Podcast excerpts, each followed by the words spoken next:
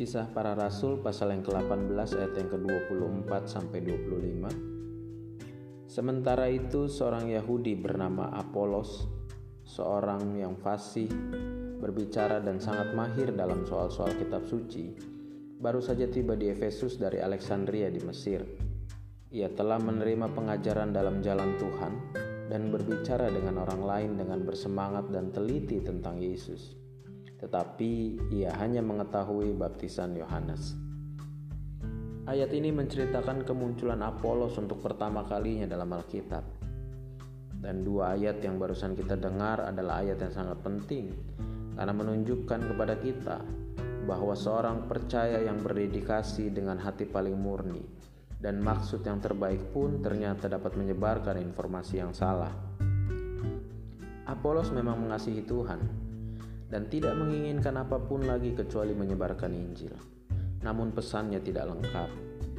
Ia hanya mengetahui baptisan pertobatan yang dipraktekkan oleh Yohanes. Namun ia tidak mengetahui tentang baptisan pengampunan yang ditetapkan oleh Petrus dan para rasul pada hari Pentakosta. Dengan kata lain, teologinya ketinggalan di belakang rencana Allah.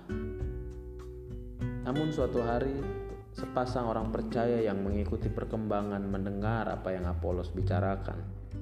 Dalam kisah para rasul pasal yang ke-18 ayat yang ke-26 dikatakan, Ketika Priscilla dan Aquila mendengarnya mengajar dengan berani di rumah ibadat, mereka membawanya ke rumah mereka dan dengan teliti menjelaskan kepadanya jalan Allah.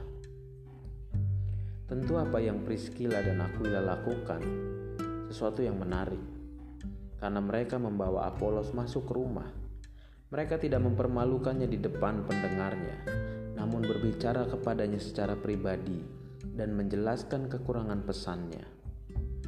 Tidak ada petunjuk apa pun yang menunjukkan bahwa Apolos menolak masukan mereka dalam kisah ini.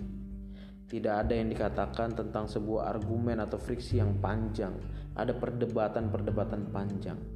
Namun sebaliknya, Apolos membuat penyesuaian dalam teologinya dan disambut hangat oleh seluruh komunitas Kristiani.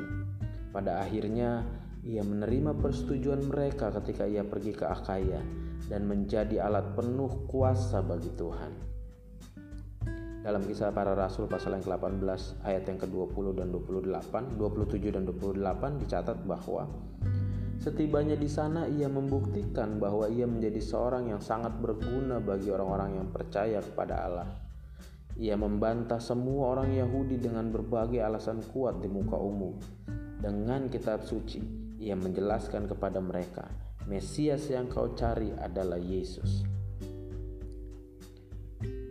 Suatu hari nanti, mungkin ada Priscilla dan Aquila yang Tuhan utus untuk mendekati kita dan memberitahukan kita tentang kesalahan-kesalahan kita. Saya berharap mereka melakukannya selembut Priscilla dan Aquila dalam Alkitab.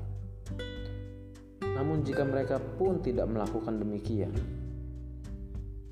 biarlah kita menjadi bijaksana untuk mengambil pendekatan Apolos. Jangan mengabaikan mereka.